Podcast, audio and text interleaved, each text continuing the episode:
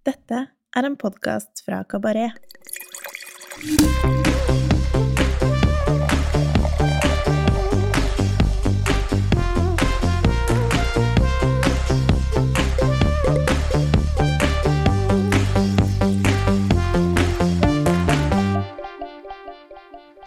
Hallo, hallo. Velkommen til Ukas vin, en podkast fra Kabaret, der vi hver uke tester én vin som vi enten digger eller har trua på.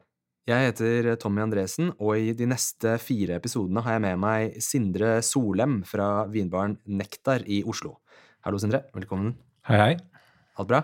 Ja, så der. Så der. Som, eh, som alle andre. Som alle andre. Som permittert eh, restaurantarbeider, så er det på sjette måned nå. Så er det ganske kjipt, men eh, nå er været blitt fint, så er det, det er greit. Dere har vært litt, eh, holdt litt åpent eh, også. Ja, med mm, alkoholfritt, åpenbart. Men uh, det har vært uh, kun uh, kjøkkensjef Ed og dagleder leder Veslemøy som har jobbet, så jeg har vært permittert hele veien. Ah, tøffe, tøffe tider. Det er det. Kan ikke du fortelle litt om deg selv? Hva, hva har du jobbet med på vinfronten frem til nå? Tja, jeg har nok en litt annen bakgrunn enn de tidligere gjestene dine mm, når det gjelder vin. Jeg har alltid likt god drikke og god vin og vært på en måte sånn halvveis eh, interessert i det. Og mm, så ble jeg kjent med en som heter Martin Kloster når jeg gikk og tok opp noe fag på Bjørknes etter videregående. og Han var eh, vinkelner og jobbet da på um, restaurant Oscars gate. Uh, og han uh, ordna meg en jobb på Grefsenkollen, som var hans tidligere arbeidssted. Og da jobbet jeg der under uh, Robert Lie, som er Dagbladets uh, vinekspert og en av Norges eh, flinkeste sommelierer. Da kunne jeg jo ingenting, men lærte veldig mye av Robert og Andreas og de andre som var der oppe. Og mm, etter å ha jobbet der i ett år etter ved siden av studiene på Blindern, studerte statsvitenskap og spilte death metal, og så fikk jeg tilbud om å være med å starte en um, rockebar som het Kniven. Eller heter fortsatt Kniven. Der var jeg daglig leder og um, barsjef. Uh, og selv om det hovedsakelig var en rocke-metall-bar, så var fokuset alltid å ha veldig et godt utvalg drikke. Det var mest fokus på um, mikrobrygg, som det er litt som der uh, det ligger i barverden og i metallverden. Men jeg som var veldig opptatt av vin, har alltid hatt et et lite hemmelig vinkart der, da. Som alltid var prisa helt latterlig billig når jeg tenker over det i retrospekt. Og um, alltid hatt mye kule, sjeldne titler, faktisk, men på litt mer sånn village-nivå. Som jeg hovedsakelig kjøpte av uh, Veslemøy Hvidsten, som var um, salgssjef og head of fine wine i Mostu. Som uh, jeg da over flere år fikk et godt forhold til. Og når hun bestemte seg for å slutte i Mostu, så lurte hun på om jeg ville være med på hennes nye prosjekt, som var å starte Nektar vinbar. Hvordan er rollene deres der i dag, da? deg og Veslemøy? Hva... Veslemøy er daglig leder, og sjefen det er jo hennes um, baby. Jeg er restaurantsjef i en bar. Men um, vi gjør jo på en måte det meste sammen. Det er jo et passion project. Uh, så vi uh, sammen finner vi viner og hva man skal ha på glass, og så har man en veldig flink kjøkkensjef som lager ukomplisert digg mat. Så prøver vi å sette litt kule viner til det, men å bare rett og slett ha et stort, kult, eklektisk vinkart fra det um, mest klassiske til hva skal jeg si, funky, morsomme av det som skjer i naturvinsverden. Skal rett og slett bare være et, et kult sted hvor du kan uh, enten drikke toppvin eller bare noe juicy, digg, og alltid liksom finne noe gøy på glasset. Mm. Det skal være hyggelig og en digg stemning, da. Ja, det har blitt en veldig kul uh, bar med liksom et, uh, en fin historie fra da, da Bon Leo var der, og en fin si, makeover av interiøret, og det har blitt veldig, veldig hjemmekoselig og fint der, syns jeg. Mm, absolutt. Det er Hjemmekoselig er nok ordet. Og det er liksom når våren og sommeren kommer, og bare henge på benkene utafor og um, drikke noen digge bobler og um, spise en liten rett eller to, det er eh, det blir ikke så mye bedre enn det føles liksom ikke helt eh, Oslo, da, og det er vi veldig fornøyd med. Mm. Ja, det er veldig sant. Eh, apropos bobler, så har vi til denne ukens uh, podkast laget en liten eh, kall det 17. mai spesial, hvor vi har funnet frem to flasker eh, bobler i litt forskjellige prissjikter. En litt eh, rimeligere petnat og en litt mer kostbar champagne. Uh, ja, kostbar og kostbar, liksom billig til å være toppsjampanje, men uh, fremdeles Til å være det det er, ja, så Ja. syns jeg det er et uh, røverkjøp. Ja, relativt, relativt kostbar hvis man sammenligner det med mye av det billige boblene som finnes. Begge to er ganske sånn leskende og lettdrikkelig i stilen, vil jeg si, og ganske ekspressive og karakteristiske, og vil funke fint både med og uten mat til eh, 17. mai. Så hvis man er rask med å bestille, så skal man fint ha de flaskene klare til 17. mai. Aller først, hva er ditt, eh, hva er ditt forhold til eh, boblende vin, Sindre? Hvilke, hvilke stiler og regioner har du sansen for? Det er jo blant det beste jeg vet. Bobler er aldri feil, eh, og jeg må vel dessverre si at det er eh, champagne som troner aller, aller høyest uten sammenligning, for min del. Mm. Jeg er veldig glad i det som skjer eh, i sørlige champagne, i Aube og Cotemoret, og de litt mer sånn ekspressive, mm, oksidative stilene. Mye av de grower-champagneprodusentene som følger litt i Jacques Celos sine, eller Anselm Celos sine fotspor. Mm. Det syns jeg er eh, det kuleste å drikke. Men lages utrolig mye kule bobler over hele verden.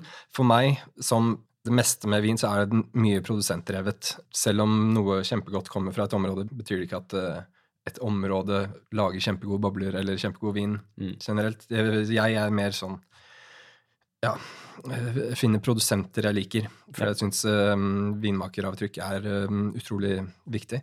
Men jeg har hatt, vært veldig glad i litt sånn alternativ uh, cava, hvis jeg kan kalle det det. Mm. Boblene til Clorlen Tiscus, for eksempel, det som skjer i uh, områdene nord for eh, Barcelona.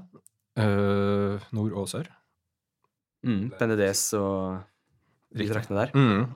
Eh, Da lager Boblene til um, Tiscus er utrolig freshe. Har litt sånn fint eplete, oksidativt preg, eh, men eh, føles fortsatt klassisk. Men så er det en helt naturlig vinifikasjon. Det er vel hovedsakelig Sarello han bruker.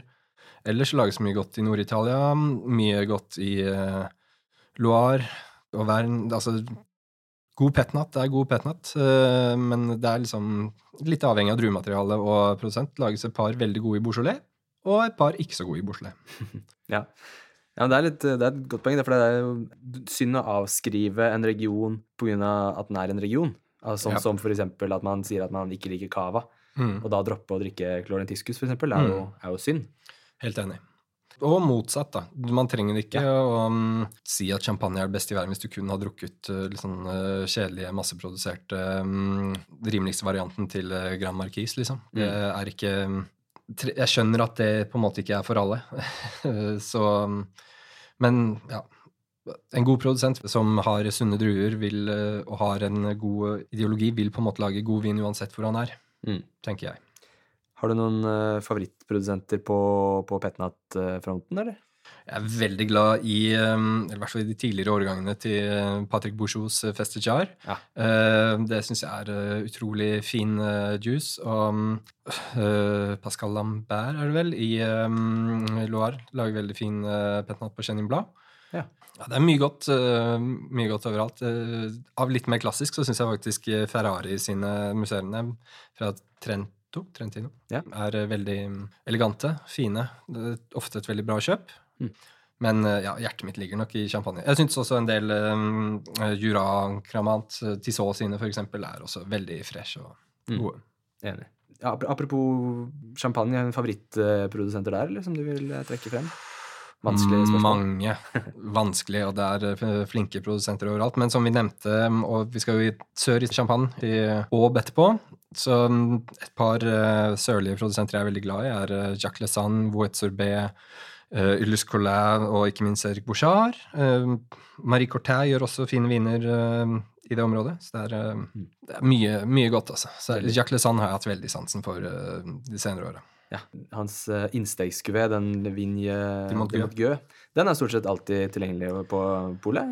Den blir vel litt utsolgt iblant, men Ja, den har vel vært det de siste åra. Jeg tror kanskje den har fått litt større allokasjon i Norge. Jeg er litt usikker, men jeg har i hvert fall eh, i koronatiden har jeg handla det en del. Det syns jeg er et utrolig bra kjøp, altså. det er vel, uh, det er vel et spesialslipp på bobler uh, ikke så langt unna nå, så det går an å håpe at det kommer litt lasagne der. Mm. Jeg vet ikke, men Nei, eh, får håpe det. Ikke jeg heller. Vi får håpe. Krysser fingrene. Mm. Husk også at alle, alle produsenter vi nevner eh, her i dag, eh, finner dere i episodeinfoen. Den første vinen i dag det kommer fra en italiensk produsent som heter Cantina Furlani. På, på 700 meters høyde i Trentino lager Matteo Furlani eh, friske fjellviner av lokale, obskure druesorter. Fjellkjeden Dolomittene den ruver i bakgrunnen og tilfører et kjølig klima til den norditalienske regionen. Fulani han jobber eh, biodynamisk i vinmarkene med lav eh, intervensjon eh, i kjelleren. Vinene gjæres både på betong, demijohns, som er små eh, glassbeholdere eh, av et ganske lite volum, og ståltanker uten temperaturkontroll.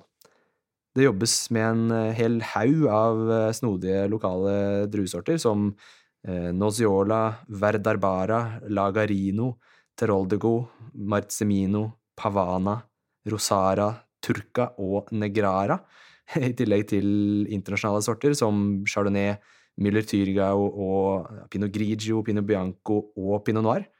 Ganske sånn eklektisk miks av, eh, av druer. Vinene til eh, Fulani de er helt vanvittig friske i stilen, og hvis du setter alle flaskene hans ved siden av hverandre, så får du et ganske sånn fresht eh, fargespekter. Eh, Cuveen Macerato, som vi skal smake i dag, den er eh, biodynamisk dyrket. 15 år gamle vinstokker planta i et kalkholdig jordsmonn. Mosten spontanfermenteres med ti dagers skallkontakt. Frossen druemost tilsettes for å sette i gang annengangsgjæring på flaske. Vinen gjæres helt tørr, og boblene dannes naturlig i flasken. Flasken er ikke degosjert, den er ufiltrert og usvovlet. Druen er 100% pinot grigio, og på polet koster vinen 234,90. Ålreit, la oss smake. Yes. Ok, Det første som må påpekes her med en gang, er jo fargen, for den er ganske morsom.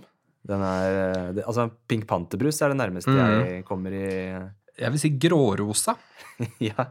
Men det er jo litt sånn når du gir Pinot Grigio eh, skallkontakt, så blir det jo ganske Først rosa, så rødt, hvis du har smakt noen av de Mm. eh, ja, podfuck-veien til eh, Milan Esteres, for eksempel. Blir veldig, veldig mørk farge. Dette er, dette er jo på ingen måte mørk eh, farge, men det er sånn ja, Ser ut som litt sånn skitten grapefruktjuice.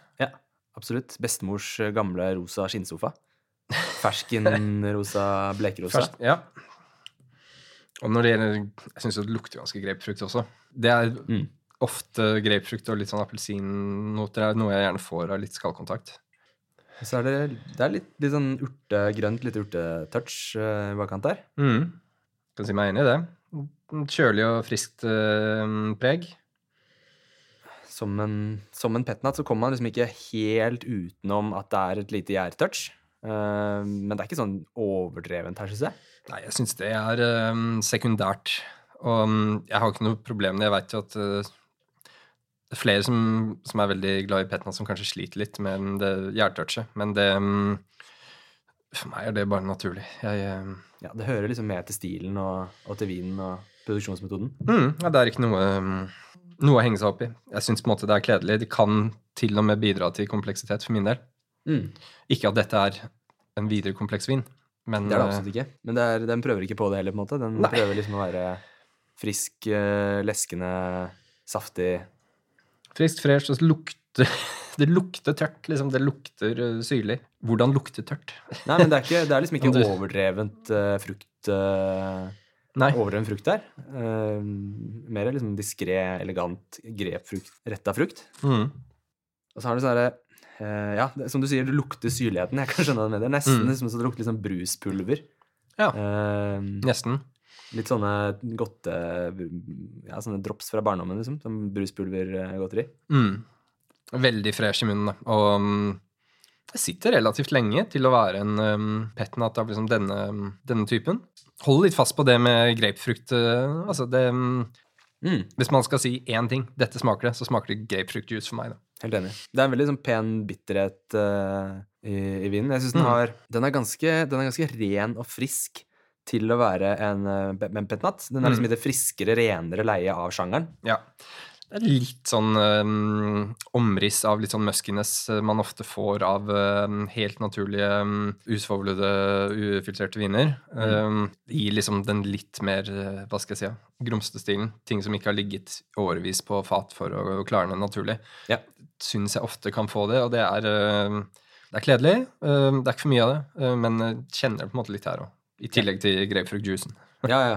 Jeg, jeg tenker den, den lille funken som, eh, som hører med, er eh, Den er liksom med på, med på å tilføre personlighet, og den er eh, Det er liksom en del av gamet, føler jeg, med, med disse Ja. petnattene. Men jeg vil um, på ingen måte karakterisere dette som en funky petnat.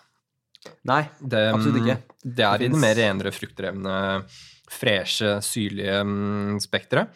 Og um, kjenner um, syra ganske godt, altså, så jeg tror egentlig det gjør seg med litt, uh, litt snacks ved siden av. Det går nok fint å drikke den i sola i parken, altså, men uh, litt, av, litt av beta ved siden av tror jeg hadde, hadde ikke gjort noe. Mm.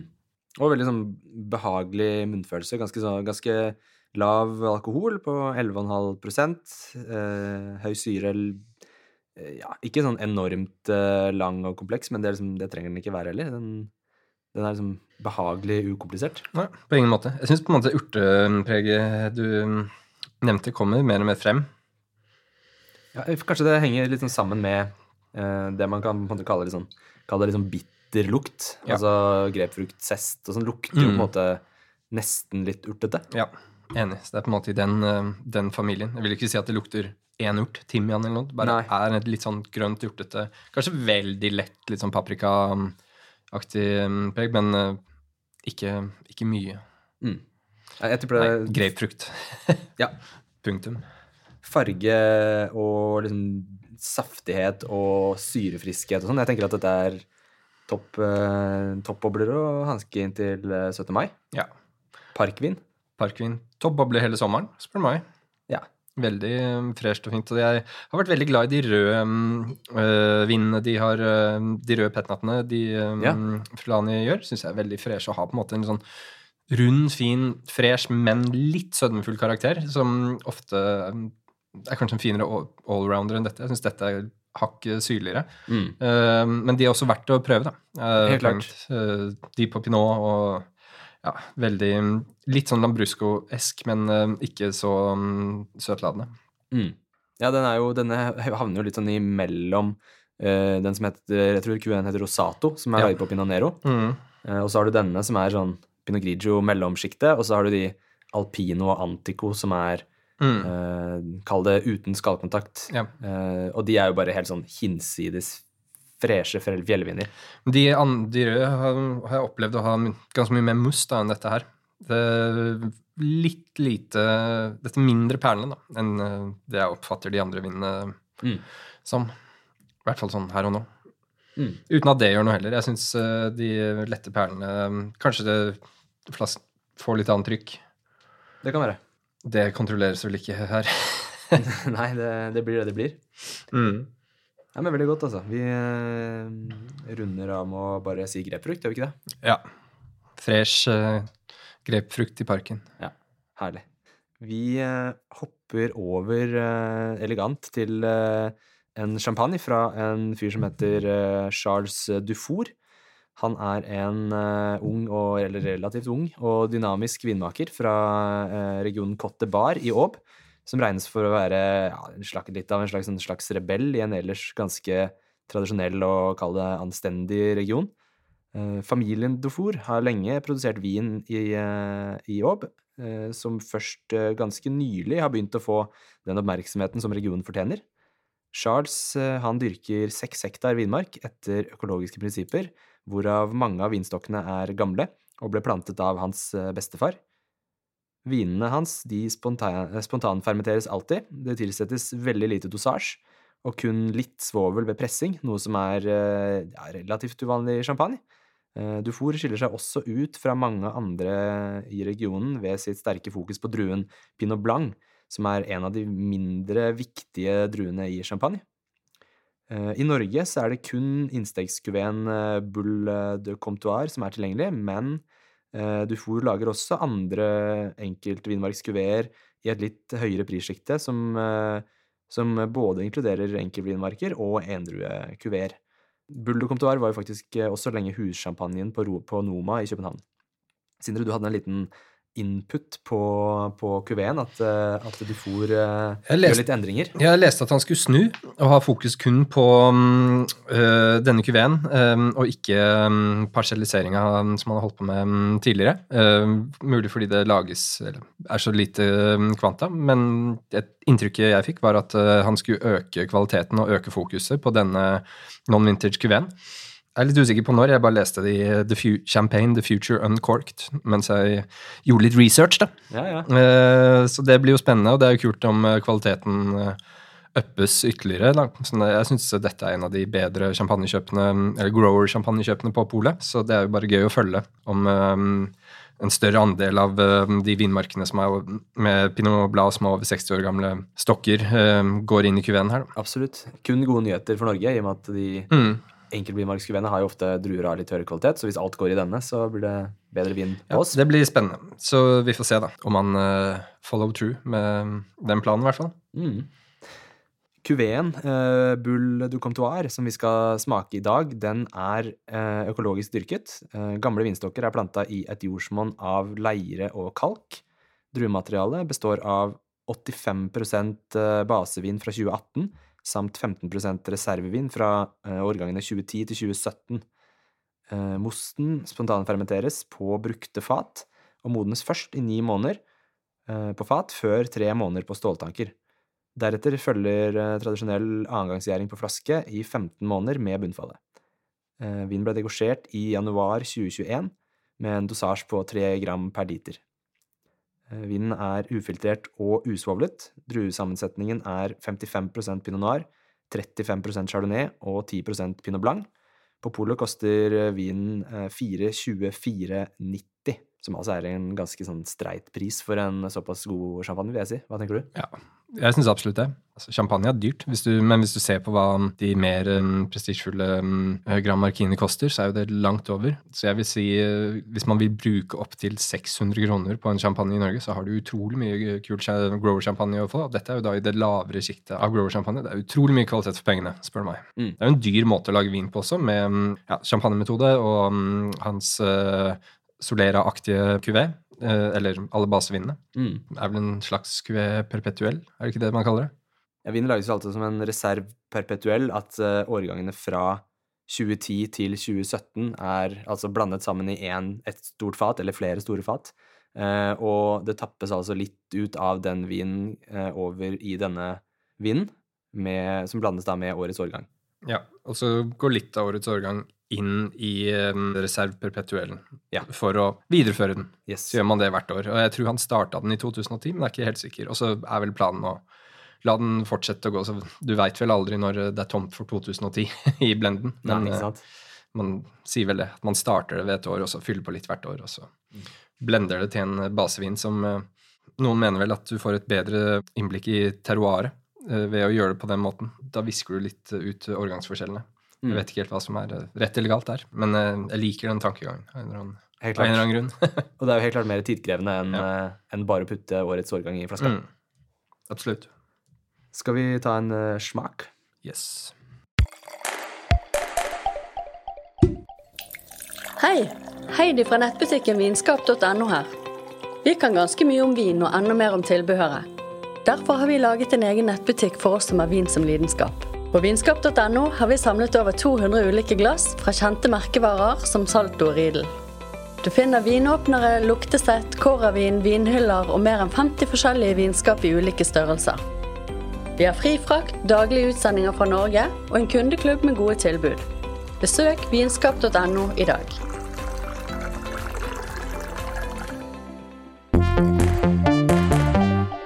Altså, farge først. Jeg tenker at denne her er eh, Kall det ganske fargerik til å være champagne. Såpass uh, ung champagne, vil jeg absolutt si det. Ser litt sånn uh, eplejuiceaktig um, gultone her. Ja. Jeg, når jeg ser på det, tenker jeg at dette er rikt, kanskje liksom litt oksidativt. Mulig litt moden frukt. Ja, for den går liksom mot, nesten litt mot kobber, sånn i Ja. fargetonen. Sånn rosa skjær på den. Det vil jeg absolutt si. Det kunne jo på en måte vært en uh, faresignal om eh, det hadde vært noe for mye oksidering ute og går. Mm. Men nesa er, nesa er rein. Nesa er rein. Kjempegodt. Um, fin mus. Får liksom litt av det Fine, mm, elegante baksttoner blanda inn med noe sånn eple, eplesider Mm. uh, altså Det er ikke en sånn briochebombe på noen som helst måte, men får liksom litt sånn modne, mm, litt oksiderte epler eh, på noe vis. Ja, absolutt. I, i, I det røde sjiktet, syns jeg. Sånn eh, Ja. røde epler og litt skall. Epleskall, kanskje. Mm. Og autolysepreget er jo, det er jo der eh, ikke ekstremt eh, dominerende, men liksom pent balansert og Mm. Jeg syns det er mm, absolutt eh, godt, men jeg syns jo det på en måte er en litt krevende mm, champagne. Mm, Det er litt annet enn det man kanskje forventer da, av en uh, streit innstegs-QV, hvis du bare tenker på champagne som Ja. i det store og det brede. mm. Litt modent, litt eh, Jeg vil jo si litt oksidativt. Ja. Um, jeg vet ikke Jeg føler liksom at det følger litt i den Celos-skolen eh, flere av eh, hans eh, samtidige vinmakere på en måte har gått, eller følger. Lagring på gamle barrikk-eikfat, som gir på en måte en liksom, mild oksidering og gir på en måte en rikhet da, til vinen som eh, ikke er vanlig av liksom ståltanksjampanje. Ja. ja, for den er jo mye mer sånn rik og uttrykksfull i frukten eh, enn eh, enn veldig mange reservekuveer som du har i samme prissjikte. Ja. Fresh, fin, relativt slank i munnen i forhold til liksom hvordan det er på nesa, syns jeg. Men absolutt en litt sånn heller jo mot natursjampanje. Du, du må være klar for noe litt oksidativt, noe litt utenom det vanlige i champagne. Absolutt. Og um, det er jo litt uh, pinot blad her òg, som gir um, kanskje en litt annen sødme, en litt annen rikhet enn uh, hva man er vant til.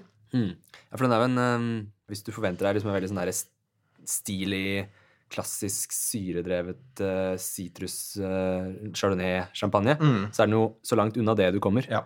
Den er jo mer sånn gjøglete, rødfruktig, uttrykksfull type. Helt enig. Men absolutt en veldig spennende, spennende vin.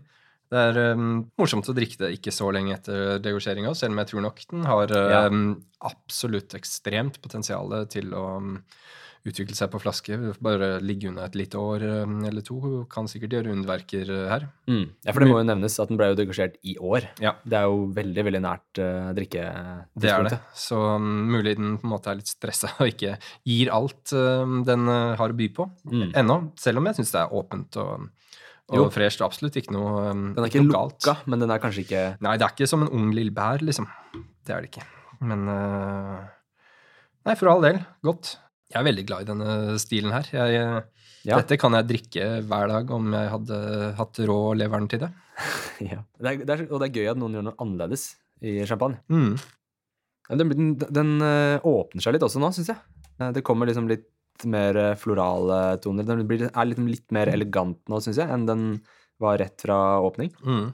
Mister litt mos med um, oksygeneksponering. Ja, det gjør den. Jeg er veldig glad i denne type glass til, um, til champagne. Altså ikke for tynne, noe som gir litt uh, oksygeneksponering. Men uh, absolutt, altså. En uh, fresh og fin, litt rik champagne. Sitter lenge, god syre, men ikke overveldende syre på noen som helst måte. Mm. Enig. Hva, hva tenker du um, om et eh, potensielt matfølge her? Ville du drukket den alene, eller med mat, eller? Både òg. Før og under, mens man lager mat. Hvis vi snakker 17. mai, så er det sikkert kjempegodt i wienerpølse i lompe.